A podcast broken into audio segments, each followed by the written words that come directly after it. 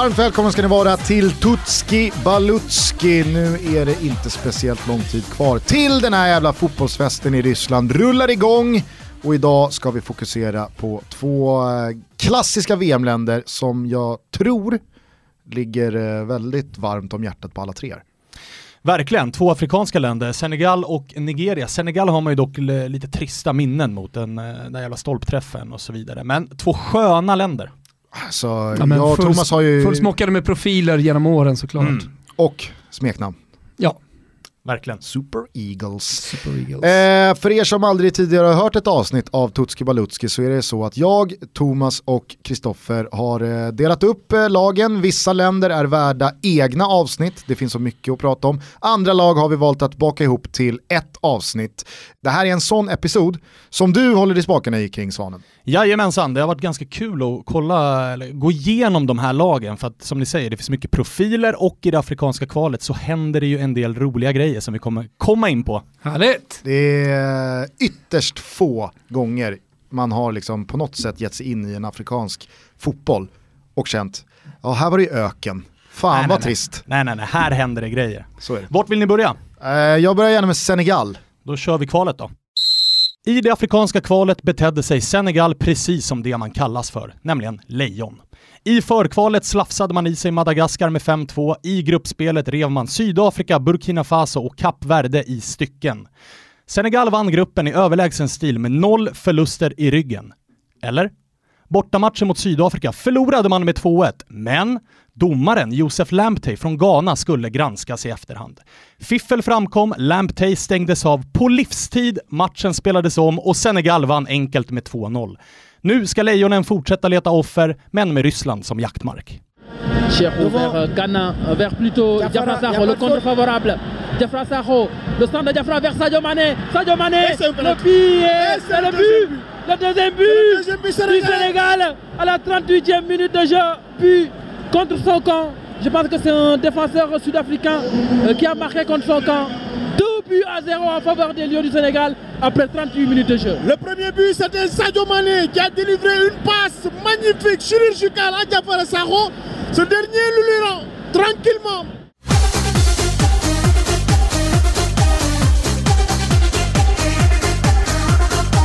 Bra, kort, koncis summering. Jag saknade dock bara ett TIA. This is Africa. Du får det nu Gustav. Jag tänkte avsluta med det för att vi ska ju även in på Nigeria sen. ah, okay. Eh, det jag däremot bara kort så här stannar till vid är hur eh, tamt det är, eh, no pun intended, men att Senegal kallar sig själv för Lejonen och Kamerun då har det coolare namnet De otämjbara lejonen. Jo men de såg liksom, lejonen, hallå vi är fler lejon i våra liksom, naturreservat här. Fan tror ni, våra är lite grymmare. Och då tog man ju det landet. Det är ju som att eh, Norge helt plötsligt skulle komma och ta järven av oss och Kanske. kalla sig för de, eh, vad vet jag, vilda järvarna. Det är ju annars, det afrikanska kvalet är ju rätt alltså, basic. Det är ett förkval, en match. Eh, efter det är det ett gruppspel på fyra lag, vinner du den gruppen är du klar. Mm. Så det är rätt eh, kort intensivt. Mm. Men eh, inte, inte mig emot. Verkligen inte. Jag måste ju dock säga att den, den, den där matchen med eh, Lamptey inblandad, den minns man ju från eh, i, tidigt i höstas någon gång va? Ja, det är stora rubriker. Exakt. Eh, Sydafrika kom ju sist i den här gruppen, stor flopp, och så när de till slut vann den här matchen då så var det liksom lite som ett erkännande att säga okej okay, vi är ganska bra ändå, och så kommer det fram i efterhand att nej, ah, ah, den här domaren är, här är det fiffel. Annars tycker jag att eh, Afrika till skillnad mot andra världsdelar alltid är så spridda i resultat vad gäller afrikanska mästerskapen kontra VM-kval.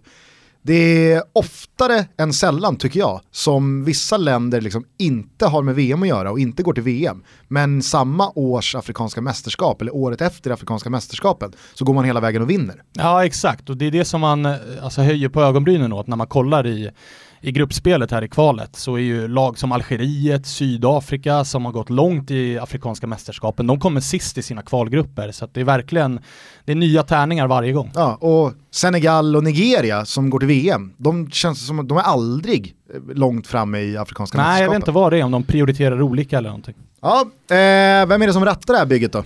Förbundskapten, gammal goding, Aliou Cissé Minns ni honom? Ja det gör jag. Mm. Han kom ju fram i eh, PSG innan de var nyrika. Sen värvades ju han av Birmingham. Och var det någonting Aliou Cissé hade så var det problem med att anpassa sig till England. Eh, debuterade ju i omgång ett mot eh, Arsenal. Klassisk egenskap som människa. Ja, vet ni hur det gick? Nej, Debuten mot Arsenal. Rött kort. Efter det då, tio gula kort innan nyår. Så att eh, han gillade ju att smälla på. Eh, efter Birmingham så gick det ju käpprätt ut för, för eh, Aliou Cissé och eh, ah, som tränare inga klubblagsmeriter överhuvudtaget. eh, fick, eh, eh, fick ta över U23-landslaget, eh, gjorde det helt okej och har nu varit förbundskapten sedan 2015. Så att, ah, TIA. ja men bara för protokollets skull, han är senegales. Ja, Ja, så att man inte har missat det. ja, men alltså, antingen så tar man då någon rutinerad europé, eh, som vi har pratat om tidigare, Tutski Balutskis, ni som har varit med, eh, eller så tar man då för de här li lite mindre nationerna eh, en stor profil. Ja, exakt. Gammal Exakt, spelarprofil. en gammal alltså. spelarprofil och i det här fallet så är det ju spelarprofilen som han har plockat. Han hade två val, eh, Cissé. Antingen gå in i politiken och söka bli president, eller ta landslaget. Ja, exakt. Oavsett utbildning så vet man ju att El Hadji Diouf finns på en shortlist ifall det skulle gå åt helvete för Det kommer in redan efter förlust i första matchen. Det känns ju spontant som att El Hadji Diouf står i ett eh, vägskäl nu, politiken eller fotbollen, och han själv har inte riktigt bestämt sig ännu. Jag tror att eh, pappa Boba Diop valde politiken. Ja, det, han har ju också den auran. Ja, nej, men eh, spännande då med en så pass oprövad förbundskapten. Mm, det verkligen. behöver ju inte, i synnerhet inte i VM-sammanhang, vara regel på att eh, erfarenhet och meriter vinner i längden. Nej, verkligen inte. Och med tanke på det kvalet de gjorde också, så bevisligen har det gått bra. Eh, man, man körde ju över sin grupp liksom, och det var ju inget snack om att man skulle till VM. Sen så måste jag säga, efter att ha framförallt då hört Lars Lagerbäck prata om sin tid i Nigeria, så känns det som att det finns ett par trösklar och ett par kulturskillnader mellan västafrikaner och eh, i det här fallet då europeer som ibland kanske slår negativt. Att man inte förstår varandra, man har inte samma sätt men att se på du ju rätt i. fotboll eller i eh, Lagerbäcks då fall Gud och religion, Mm. vad det betyder för laget och sådär. Så att jag kan tänka mig att flyger det för Senegal på plan, då är det nog bara bra att man har en senegales som kan landslaget inifrån. Nu ska jag inte förenkla eh, det här ganska stora jobbet som det trots allt är att leda ett, landskap, ett landslag i ett mästerskap. Men jag vill ändå säga det att får man ihop gruppen, ja men då har man kommit väldigt långt. Alltså svetsa samman är en ganska stor pusselbit eh, som, eh, som eh, kanske inte är lika viktig, eller alltså svetsa upp i grupp är alltid viktigt, men inte lika viktigt i, i klubblagssammanhang. Där det gäller att jobba kanske lite mer långsiktigt. Här är det liksom komma in, prestera framförallt de första tio dagarna under gruppspelet och utifrån det sen då om man lyckas eh, försöka ta det vidare. Men, men, men det är så jävla viktigt att man har en stark ledare. Mm. Vem skulle du säga är CCs viktigaste spelare då? Mm, det är ju eh, låga odds, men givetvis är det Sadio Mané som är MVP i det här bygget. Eh, slog igenom i Mets, men tog sen den något märkliga vägen då till Österrike och Red Bull Salzburg där han slog igenom. Det var väl där man såg honom första gången när eh, de CL-kvalade mot Malmö FF. Ja, och en av de, de första stjärnorna som Red Bull Salzburg har fått fram. Eh, gick ju sen Lär komma fler. Verkligen. Eh, gick ju sen till Southampton där han gjorde stor succé. Eh, gjorde ju, tror jag innehar fortfarande det snabbaste hattricket i Premier Leagues historia. Tre mål på 176 sekunder. Helt okej. Helt sjukt. Ja, men när man Eh. såg Liverpool liksom inleda den här säsongen med Salah på ena sidan och Mané på andra så förstod man ju att det skulle gå undan i alla fall när Klopps lag ställde om. Precis samma sak ju i hela det här kvalet med Mané. Så han är en av fotbollsvärldens absolut snabbaste spelare. Ja, exakt. Och han kommer ju bli extremt viktig för att Senegals spel är ju snabba kontringar. De Känns ställer det, inte, fort. känns det inte li- lite Mané inför sommaren som att så här, han kommer skapa väldigt mycket målchanser, men tyvärr kommer han också sumpa lite för många målchanser. Jag vet inte, det är mycket magkänsla på det. det är klart att det är. Jag skulle snarare vilja säga kring Manés säsong att jag tror få är mer nöjda med att Liverpool gjorde sig av med Coutinho, eller gjorde sig av, sålde Coutinho till Barcelona för en och en halv miljard. Det låter som att de har dumpat något problembarn. Nej men jag vet inte, ni kommer kanske ihåg där hösten, han inledde ju ganska tidigt med ett brutalt rött kort mot City, fick en liten längre avstängning, Salah flög från början, Firmino öste in mål och Coutinho kom tillbaka från skada och var liksom frälsaren som kom tillbaka, man hade saknat honom. Det gick ju lite halvtrögt för Sadio Mané och så satt en Oxlade Chamberlain på bänken inhandlad för ganska många hundra miljoner som då var redo att säga, jaha, men hur länge ska vi hålla på och chansa med Mané? Men så försvann Coutinho och sen dess så känns det som att Mané växlade upp under den här våren har varit kanske inte lika bra som Salah, men absolut bakom honom. Ja, och bidrar ju extremt mycket i spelet, alltså förutom poängen. Han gjorde ju minst poäng i den där trion med Firmino och Salah, men men ligger ju bakom extremt mycket, river ju stora sår. Eh, liten nugget också på Mané är ju att han förbjöds ju från att spela fotboll av sina föräldrar fram till typ 15 års ålder. Eh, de trodde ju inte på honom.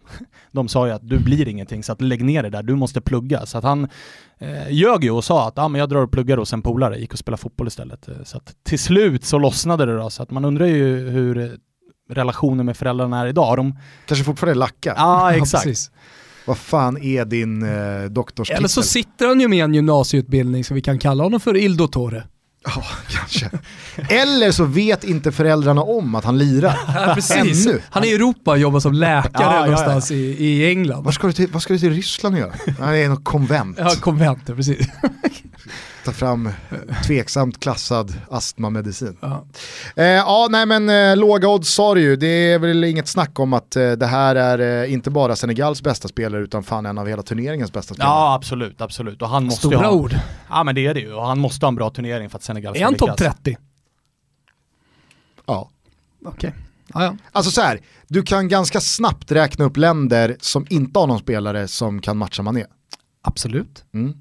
Och när kan också du... räkna upp länder som har flera spelare som ligger före honom. Ja, men du ska ha 30 gubbar då. Ja, men om du börjar liksom gå via Argentina, Brasilien, ja. Tyskland, eh, Frankrike och så vidare. Men ta, 30, ta 32 gånger 23, då har du ganska många spelare som flyger till den här turneringen och är du då topp 30, topp 40, så är du väl en av turneringens bästa spelare. Nej, jag säger ju, det var därför jag frågade en topp 30. Il Dottore för fan, snacka ja. inte skit om. Ska vi gå till stjärnskottet? ja! Jajamän! Stjärnskottet, där har vi Assan Diosé. Oh. Uh, ni har koll på honom, han slog igenom i Empoli. Uh, har ju gjort, han är 20 bast, har gjort över 50 matcher i Serie A och har den här säsongen varit helt ordinarie i Santet igen. Sittande mittfältare, spelfördelare och jämfördes ju tidigt eh, som 18-åring med Andrea Pirlo. Eh, jag tror att det, här, eh, att det här är ett stort namn för framtiden. Jag tror att han kommer bli riktigt, riktigt bra. Jag såg han mycket i, i Empoli, alltså fantastisk spelare. Jag trodde han skulle stanna inom de eh, italienska gränserna för det var många av storklubbarna som var ryckta i honom. Mm, Blev Santet igen. Smart val trots allt, för där är det garanti på speltid således också garanti på utveckling om man själv vill. Men jag kommer ihåg när man pratade om honom i Empoli som har en väldigt bra akademi som är väldigt noga med att du liksom går till plugget, att du sköter dig och så vidare. Jag tror också att det är därför många spelare lyckas också utvecklas i den klubben. Hade eh, han eh, Sarri under hela sin tid i Empoli eller? Han hade Sarri... Han hade Sarri och det var ju snack om att han skulle med Sarri. Napoli Precis. valde till slut Diawara och han har ju inte fått en sekund i år i stort sett. Så att, att gå till sånt igen och vara helt ordinarie där eh, på mittfältet som 20-åring och har alltså redan eh, gjort upp uppemot en 80 matcher totalt i Serie A och eh, Ligue 1 som 20-åring. Det är bra papper. Mm. Ja, det får man säga. Honom håller vi koll på, det gör ni också som lyssnar. Mm. Ska vi ta hans namn igen? Assan Diosé. Assan Diosé. Mm. Lägg det på minnet. Snackisen då, eh, det är ju hur formeras det här anfallet? Man är i given, det har vi varit inne på, men sen bakom honom då, där finns det ganska många som är på samma nivå skulle jag säga. Keita Balde, Moussa Sow, Mame Biram Diouf, Mbaye Niang, Moussa Konate och Alfred Niasse. Det är många som ska göra upp om de där platserna i anfallet. Så ah, frågan är hur namn. det formeras. Eh, Niasse, före detta Basel, köptes till Everton, många hade stora förväntningar, blev väl inte riktigt det utfallet va? Alltså Everton har haft en väldigt ja. märklig eh, säsong och inte minst då anfallsmässigt. Det känns som att de har turats om i att vara bra två omgångar i stöten. Mm. Sen så är den spelaren kall och så kommer eh, Calvert Lewin in och är bra i två matcher och sen så är Wayne Rooney bra i två matcher och sen är Cenk Tossen bra i två mm. matcher. Ja. Mm. Skitsamma, eh, Nias är i alla fall en intressant spelare oavsett, eh, jag vet inte om Everton är rätt miljö för honom, men det är i alla fall ett namn som vi kommer fortsätta följa i klubblagsfotbollen också, självklart i VM. Man kan Här... väl i alla fall säga att det är skillnad på att få sin utbildning av Mauricio Sarri och Sam Allardyce. Säkerligen. Säkerligen. Lite olika eh, typer eh, av träning där. Keita Balde, stor, stor talang i Barcelonas akademi. Eh, dock stökgubbe redan tidig ålder så att Barcelona valde att göra sig av med honom. Alltså, och där kan vi verkligen prata om att göra sig av med honom. Man vill inte ha kvar honom, det var mycket så här sena nätter meter, eh, det var en del inkilningsgrejer också. Jag tror att det var någon sån grej som fick eh, liksom dropp, eh, eh som blev droppen som fick bägaren att rinna över borta i Barca. Mycket stök med bilen sen också i Lazio. Ja, och sen kom han till Lazio eh, och han, du vet, han flög hela tiden på planen kan jag tycka och man förstod inte varför han inte startade för att det blev ändå förhållandevis många eh, liksom inhopp från bänken trots att han hela tiden levererade. Men, men också där då, krascha den ena Lamborghinin efter den andra, många sena nätter återigen. Eh, kom till Monaco och har mm. gjort det bra där. Så att mm. sportsligt på planen så har ni hela tiden levererat. Det är en fantastisk fotbollsspelare, det vill jag ändå säga. Mm. Eh, sen finns det också ju eh, Mame Biram Diouf, Mbaye Niang. Eh, Niang, då är nästa gubbe. Det är många ja. som är där som, som har en jättestor talang. I, i Niangs fall var det Milan, mycket Italien här nu, men eh, så här, var det Milan, ville se till där. Nu kommer han till Toro och då tänkte man så här, men där kanske det ändå är en bra miljö, eh, som, lagom lag att komma till. Men återigen, så här, det, har inte, det har inte riktigt velat sig för Niang. Och det är väl egentligen samma sak med Mambiram Diouf. Alltså han eh, slog ju igenom med buller och brak i Norge va? Mm, Molde va? Ja, och sen så hamnade han i Tyskland och han gjorde det ännu bättre. Hannover vill jag minnas. Och sen så har det blivit Premier League, men inte riktigt lyft. Och han, precis som många andra, har ju hamnat i total snegunga med hela Stoke. Mm. Många lovande fotbollsspelare, eller spelare med mycket fotboll i sig, som har fått ut ungefär 14% av sitt kunnande ja, på därför, Britannia. Därför är, ja, på Britannia, men i det här anfallet också. Och därför blir det så jävla kul att se Senegal, för skulle de få ut maximalt av sina tala sin talang då kan ju verkligen det här anfallet flyga. Exakt. Och då kan de... det flyga satan till och med. Och, och det är så mycket speed, förlåt Svalen, men det är så mycket speed här också. Precis, och alla de vi pratar om nu så är ju ingen egentligen renodlad nia, så Exakt. därför ska det bli extremt intressant. Ja, men, men det, är någon slags, eh, det är någon slags tremanna uppställning med Mané ute till vänster. Exakt, och, och sen så har de andra alternerat egentligen beroende på form. Okej. Okay. Ja. Så att, eh, det blir Vilka tror du då? Eh, jag tror att det blir Moussa Sow som nummer nio, han har ju öst in mål i Turkiet. Och sen är högerplatsen... Eh, hög, namn! Högerplatsen är, det är den som är öppen och där är det ju Keita Balde, Mbaye Niang eh, som ligger bäst till skulle Vet du vad Moussa Sow är? Det är inte, alltså, i klubblagsfotbollen så är det inte ett coolt, eller ett namn som man tänker det där kommer gå bra. Men däremot så är han ju det i ett VM-sammanhang. Förstår ni skillnaden eller? Mm. Ja. Absolut. Moussa Souf. Mm. Och återigen då, återkomma till den här krönikan kring VM som SVT gör där framåt jul och nyår. Moussa Sow. Satan vad det flög. Alla pratade om Mané, alla pratade om Keita Abalde, men det var Moussa Sow som gjorde det för Senegal. Tog dem hela vägen till semifinal och Senegal tog bronspengen. Eller vad fan är förväntningarna Svanen? Förväntningarna är ju att gå vidare från gruppen skulle jag säga. Med det anfallet som vi rabblar upp, med det kvalet man gör i ryggen, så är det förväntningar. För kollar man på gruppen, är man mycket svagare än Colombia? Nej! Är man mycket svagare än Japan? Nej. Absolut inte. Är det omöjligt att spöa Polen? Knappast. Mm. Så att här, är, man ska vidare. Jag skulle mm. säga att man är bättre än Japan. Ja, då alltså, så. Jag håller ju med ganska knapphändig information. Senegal som ett bättre lag än Japan. Ja, jag säger inte emot alltså. Nej, nej, jag, jag tror att de kan lösa det. Kalla mig liksom generaliserande kring afrikansk fotboll, men det är ju så i synnerhet med västafrikanska länder som Senegal eller Kamerun eller Elfenbenskusten och så vidare. Får de till det, det kan vara nio poäng. Exakt, men då är det, kan det också vara noll. Så, exakt, för jag tänkte säga det, det kan också vara noll för att man inleder ju mot Polen. Torskar man den, då kan det ju vara plattfall ut ur den här turneringen med buller och bång. Men vinner man den eller tar poäng, ja då kan det här flyga ordentligt. Mm. Spännande då! Ja, eh, vår gubbe. Ja. Det är ju jag som har gjort det här så att givetvis blir ju valet Khalido Koulibaly. Han ska ju i en defensiv som är eh, ganska svag på namn, med en offensiv där det kryllar utan namn så måste ju Koulibaly göra en bra turnering. Och eh, med tanke på den säsongen han har i ryggen, med tanke på vad det ryktas om i framtiden här, så det här kan ju bli för de som inte följer Serie A så mycket så kan ju det här bli sommaren då de verkligen får upp ögonen för hur bra Koulibaly faktiskt är. För att jag har sett folk som är, eh, men som kollar väldigt mycket Premier League som börjar rynka på näsan när det nämns en prislapp på 60 miljoner euro. Jag tycker nästan den kan tickas uppåt lite för det här är, det är en klass mittback. Mm, ja det måste jag säga. Man var ju skeptisk kring det där mittbacksparet eh, Koulibaly-Albiol eh, för några år sedan, men som de har eh, tystat än, och inte minst då, då Koulibaly. Det är ett riktigt jävla kraftpaket. Ja, men vi har ju målet, vi har ju målet eh, som jag tycker på något sätt eh, personifierar honom liksom och hela det här landslaget. Alltså det är mycket kraft mot Juventus när han bara flyger fram och, och dundrar in det.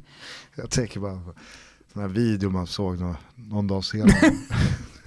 Jag, jag vet inte om alla som lyssnar Nej, på den här bara... podcasten har sett det, men alltså det är i den där finalen, låt oss kalla det med några omgångar kvar av Serie A, eh, så, som det kommer en hörna, eh, det står 0-0 Juve, Napoli, Koulibaly, han, han är ju meter över luften ja, ja, ja. och bara liksom smackar in den, alla står bara och tittar, shit vem är det som kommer här flygande? Och det Gusten då är inne på är de eh, här virala videorna som, som kablades ut i sociala medier efter, framförallt en, eller hur? Ja, det är en stor då, folksamling gäng Napoli-supportrar antar jag, eh, som då hetsar en äldre svart man att liksom, kan du inte bara nicka bollen? Och sen så försöker de återskapa det här ögonblicket. Han är ju med på det här. Ja, ja, alltså, ja absolut. Men det, det, det är bara kul. Alltså. Ja, ja. Och han nickar in den och det blir stort jubel. Ja. Ja. Och han fattar ingenting.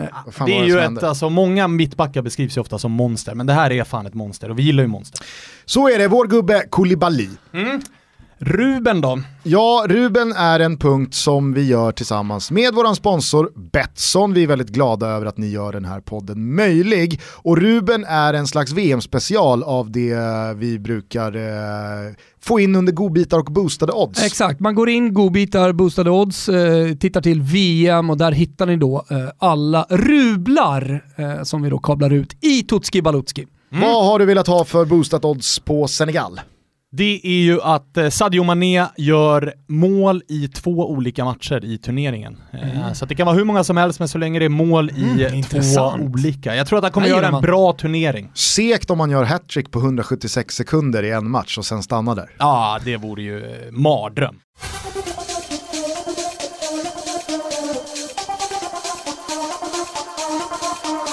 Ja, men härligt då. Då stänger vi ner Senegal och rör oss raskt vidare till eh, de eh, alldeles fenomenala örnarna i Nigeria. Mm, ska vi ta kvalet direkt? Gärna. Superörnarna inledde det afrikanska kvalet med att stappla sig vidare från dubbelmötet med Swaziland. Därefter dansade man sig till en gruppseger mot Zambia, Kamerun och Algeriet, givetvis hänförda av sina Premier League-stjärnor. Alla mål, utom ett, gjordes av nigerianer som nu spelar fotboll i den engelska toppligan. Inget afrikanskt kval utan lite skandaler. Nigeria spelade lika på ett borta mot Algeriet, men i efterhand blev Algeriet tilldömda segern med 3-0, då Nigeria helt enkelt glömde bort att mittfältaren Shehu Abdullahi var avstängd. Det blev Nigerias enda förlust och nu ska örnarna flyga på nytt.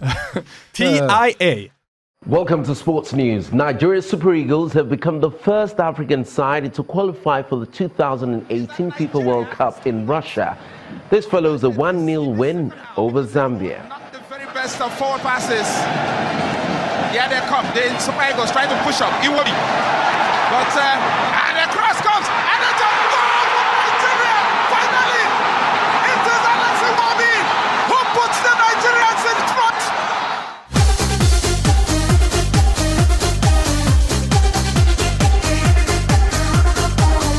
Nej, fan TIA alltså. Jaha, har vi ordning på allt? Jajamän, jajamän. Du som sitter med truppen där borta, det är koll på gubbarna va? Ingen avstängning, inga sådana här grejer. Nej, nej, bara ut och köra. Det ska ju dock sägas, du och jag stod ju i en uh, tv-studio på Eurosport ja, för uh, två år sedan. Jag tänkte på. Uh, när Real Madrid Copa del Rey spelade mot Cadiz. När Real Madrid missade att Cheryshev eh, inte fick spela för Real Madrid för han hade dragit på sig ett rött kort i Villarreal säsongen innan, tror jag att det var. Så att det händer ju även på den absoluta yttersta nivån, alltså att ett lag som Real Madrid gör något sånt här, det ska ju inte kunna ske. Man skrattar ju lite mer åt det när det sker i ett land som Nigeria eller Senegal, tyvärr av någon anledning. Men jag tycker ändå det är härligt när det sker, att det är liksom så här, ja vad fan, det, det, är inte bara i division 3 norra Svealand. Ja, nej, nej, sen så lider man ju fortfarande med gubben i, i Real Madrid som, som fick lämna sin post. Du vet, han hade nått drömmen och jobba i Real Madrid, liksom, eh, så stor verklighet, allt det galaktiska och sen så tar allting slut bara för att man missar. Ah, Slarvigt. Men det var något gult kort då eller som Ja, genererade hade ju- exakt. att Han hade ju- rimligtvis borde ju spelaren själv känna så här, men vänta jag fick ju rött kort i förra matchen. Nej det var Kan inget rött eh, lira? matchen innan, utan jag tror att de helt enkelt hade glömt att han hade fått gult kort i det här förkvalet. Eh, så stod han ju på, tog han sitt tredje gula matchen innan. Å Ja, men andra de- sidan ska man ju säga så här, att ta bort allt det där, alltså ta bort det från VM också. Nu ska vi inte ha någon sån lång diskussion, men att man ska hålla på att vara avstängd för att man tar gula kort, det är ett djävulstyg inom fotbollen. Ja, verkligen. Alltså gula kort, det är en del av 90 minuter fotbollsmatch. Låt det vara det. Exakt. Men det var ju lugnt, de vann ju gruppen med fem poäng ändå, så att det, ingen skada skedd. Ja, men det känns som att det börjar bli ganska många VM-slutspel nu som Nigeria har varit med i. Eh, ja, sen 1994 har man ju bara missat eh, 06, sen har man varit med i allihopa. Så att, eh, som vi var inne på, Afrikanska mästerskapen, sisådär, men VM, där, dit tar man sig. Ja men det är jävligt starka papper, för är det någonting som jag tycker är signifikativt för afrikanska länder så är det att det kommer upp en generation som är liksom skitbra i 4-5 år. Ta typ Elfenbenskusten med bröderna Touré och Drogba och så Ja, men då vidare. hade Kamerun tidigt eh, VM 90 och VM 94 med Roger Milla. Exakt. Men att Nigeria har spelat VM 94, 98, 2002, 2010, 2014 och 2018 Mm. vittnar ju ändå om att det är ett konstant dugligt fotbollslag. Ja, och det är en kontinuitet, alltså deras generationsväxlingar ske, har skett rätt smidigt också. Spelare kommer och går och det fylls alltid på med nya därifrån som håller bra kvalitet. Och det här, jag, blir, jag har inte kollat upp det ordentligt, men kollar man truppen så ser man att det är många som är runt 25 och neråt, så att jag tror att vi har en av de yngre snittålderna på en trupp hos Nigeria. 2010 så åkte man till Sydafrika med Lars Lagerbäck som eh, förbundskapten. Vem sitter bakom eh, ratten nu? Känslan är ju att Nigeria är ett landslag som ofta satsar på de här utländska tränarna, men nu eh, är det så igen. Garnet Rohr, det är också den första utländska sen Lasse Lagerbäck. Eh, efter Lasse så har vi sett eh, Sande Olise till exempel rattare, men nu är det Garnet Rohr. Eh, tysk lirare, men som har gjort sina, sina största avtryck i Frankrike och Bordeaux. Eh, runt 300 matcher för klubben innan han då eh, hängde upp eh, dojorna i björken, eh, gick över och blev tränare och ledde dem faktiskt hela vägen till en uefa Cup-final som torskades mot Bayern München som är Gernots moderklubb. För det måste Eh, ha varit ett gäng år sedan. Ja, det är ett gäng och det är 96, så Ja. det är bra många år Länge sedan. sedan Bayern lirade Uefa-cupen. Ja, exakt. Länge sedan Uefa-cupen ens fanns nu känns det som. Eh, efter Bordeaux då så rattade han ett par lag i Frankrike och Schweiz. Sen så är det ju då Afrikaspåret som han har eh, gnuggat. 2010 tog han över Gabon, därefter Niger och därefter Burkina Faso och så nu då sen 2006 Nigeria. Sen 2006. Nej, 2016, sorry. 2006? Så, Kort. fan vilken karriär. Ja, nej, sen 2016 har han haft eh, Nigeria då. Men innan dess Gabon, Niger, Burkina Faso. Så han har gått en lång, han har gjort sin gavetta i Afrika. Men då låter det också som att han är hyfsat till åren kommen om han har varit igång så här länge. Ja, han är rätt eh, gammal den här gubben. Ja. Spännande då. Rutin. Ja, Mm, rutin och han, till skillnad från Lasse då, som vi var inne på, att man kanske inte har koll på kulturen och det blir en liten krock och sådär, så han har ändå varit åtta år nu i Afrika, så att det känns som att han har koll på, på kulturen och sådär, så den krocken lär inte bli av. Vem skulle du säga är Roars viktigaste spelare då? Det är John Obi Mikel, ja, han lever och spelar fortfarande. Han gör det numera i Kina, eh, men fick ju sitt genombrott i Lynn. Sen har han ju en av de konstigaste övergångarna som jag någonsin hört talas om. Eh, har ni tagit upp den i Tutto någon gång eller? Jag vet inte om vi har berört den i Tutto, men eh, jag vill minnas att Sir Alex Ferguson i sin självbiografi håller det som en av de bästa affärerna han har gjort. Ja, så är det ju. För att han, I Lynn slog han ju igenom. Sir Alex var där och kikade på honom, ville ha honom, pröjsade till slut 4 miljoner pund för att få honom.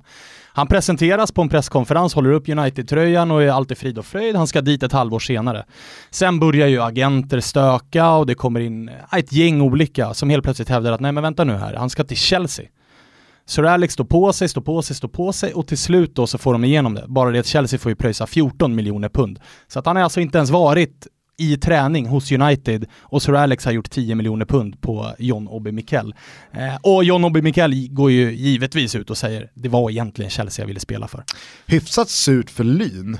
Att så här, jaha, vi sålde honom för 4 miljoner men uppenbarligen så var någon beredd att pröjsa 14 miljoner för honom. Ja, ja, ja, ja. det var, det är Pund en, alltså. Ja, det är en stökig övergång det där. Men sen vart det ju bra i Chelsea. Han gjorde över 250 matcher. 11 år i klubben. Det är faktiskt eh, riktigt bra jobbat. Och det var ju inga dåliga Chelsea-mittfält han eh, konkurrerade med säsong ut och säsong in. Alltså, han har spelat jämte ett par riktiga jävla världsstjärnor och faktiskt hållit några bänkade. Ja, ja, ja, ja. Underskattad under hela sin tid i Chelsea egentligen.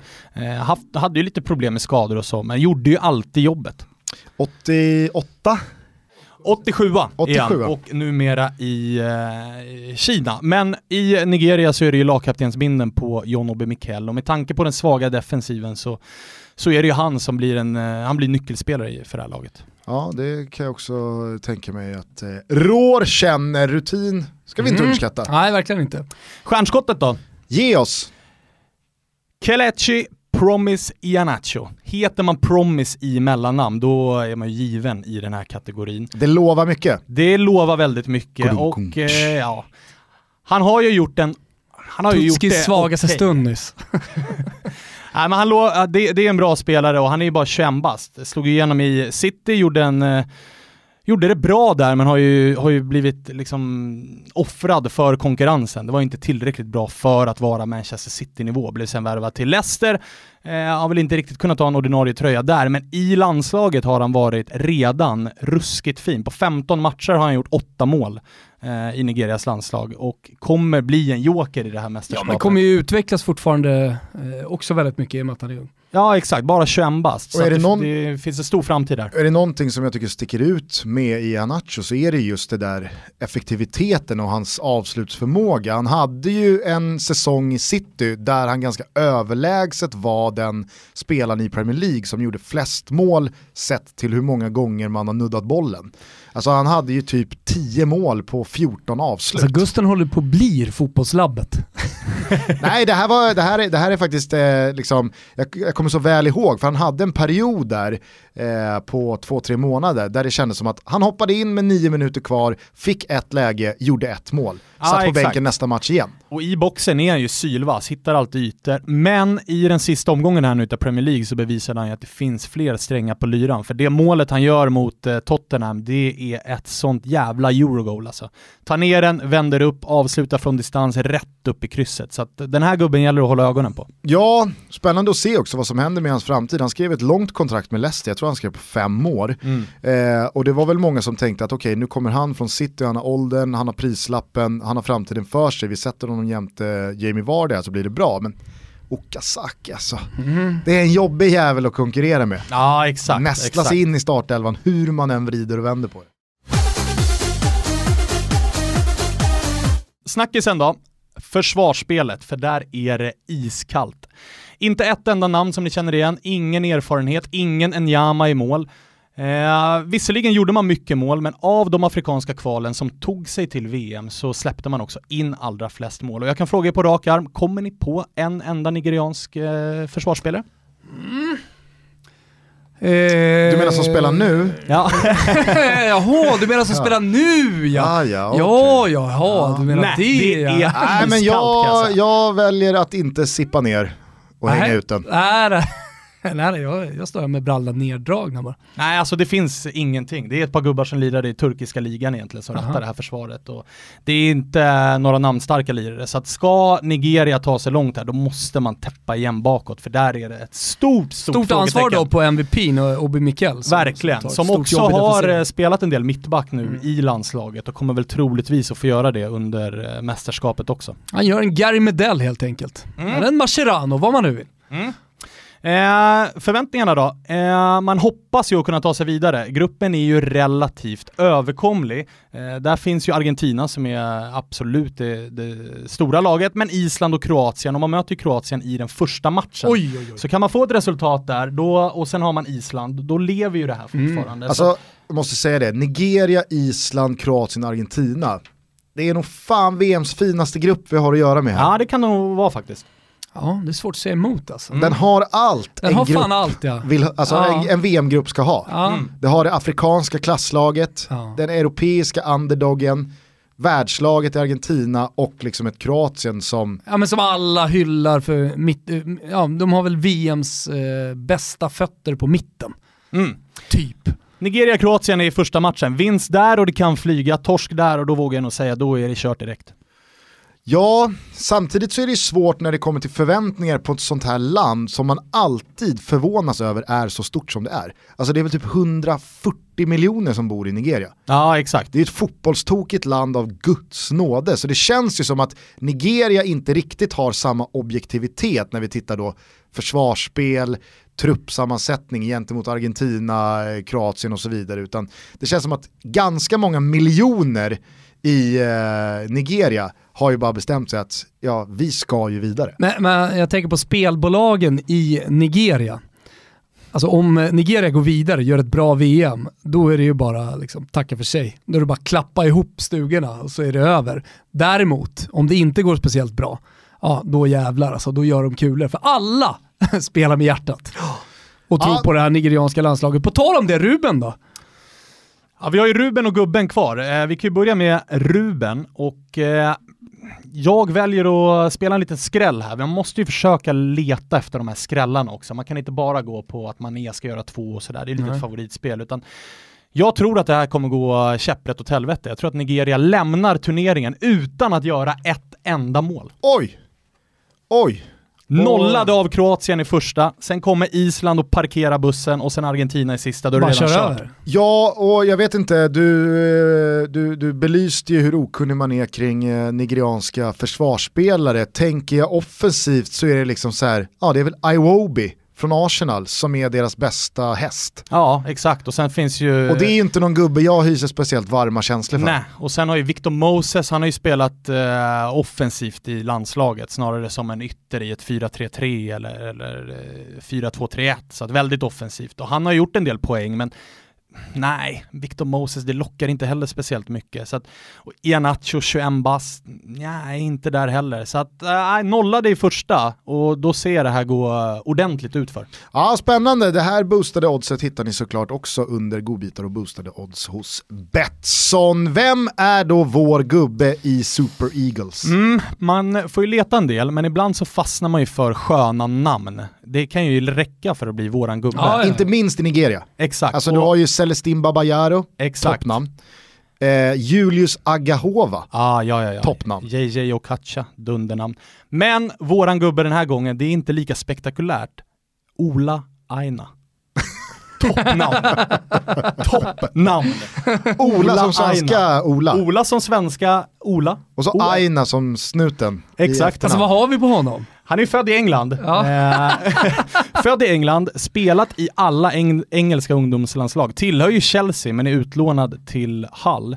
Och eh, är ju försvarsspelare, så att i ett landslag som saknar försvarsspelare så fan Ja, men det om man här- inte det här kan är jobba av en- sig in i, eh, Men i backlinjen här. Lite av en MVP ändå i landslagssammanhang får vi säga. Han har, gjort, Ola Aina. eh, han har gjort eh, runt 15 landskamper Ja, men och det kan inte bli given. Men Obi Mikel och Ola Aina som mittbackspar. Ja, ja, ja, det kan det absolut bli. Eller så kanske han tar en tröja ute till höger i backlinjen. Men det Alltså, borde, vi ska jobba in vad Ola Aina. är min gubbe här Ja, ja, ja, ja. Fan vad fint. Ja, nej, men bra jobbat Svanen med de afrikanska pärlorna Senegal och Nigeria. Och för alla er som som eh, vill se Ola Aina in action så får ni hålla tummarna för att eh, Nigeria går rakt emot Svanens rubel och löser ett avancemang. För då kan vi väl nästan utlova en åttondelsfinal på Hotell Kung Karl. Ja, men vi har valt ut då några matcher under gruppspelet som är eh, stora. Eh, vi tror att de är extra intressanta. Man går in och bokar då på totobaloto.se. Det kommer bli en fantastisk VM-sommar tillsammans med oss. Eh, men vi kör ju också hela slutspelet så att åttondelsfinalerna är ju med där och då kan man ju gå in som sagt redan nu och boka in sig på en åttondelsfinal. Va? Mm, precis, och från Nigerias grupp så vet jag att vi sänder Argentina mot Kroatien och Argentina mot Island. Mm. Så det blir härliga kvällar på Hotell Kung Karl. In på totobalutto.se och lös era plåtar. Nu stänger vi ner det här avsnittet. Vi hörs snart igen. Det gör vi. Det gör vi. Är det eh, du som eh, rattar. Jajamän, då är det jag som sitter vid spakarna. Eh, lyssna på Tutski Balutski. Vi går igenom alla grupper och alla lag i sommarens VM. Nazdrovje! Nazdrovje. Nazdrovje! jalama jalango yi jalowa yup marokuma wajma bab marokuma wajma wajata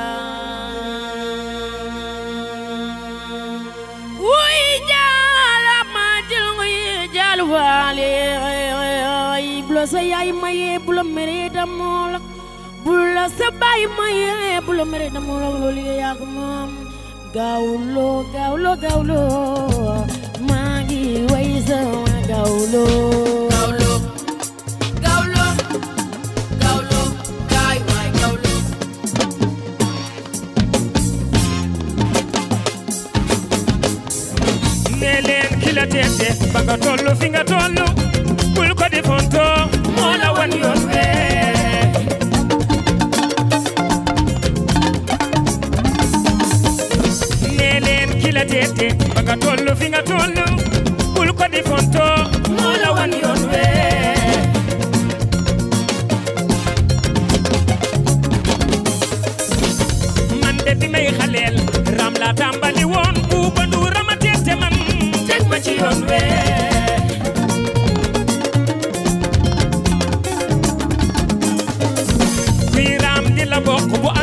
oto yóbbaale la Boubacar Ndergaan yaa ma wan yoon wee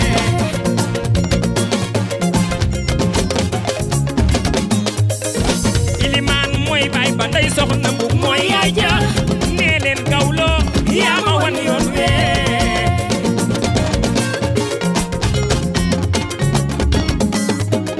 baayu papa filim duure baayu sena sama waaji nee leen Ndergaan yaa ma wan yoon wee the tasty. I'm not your at.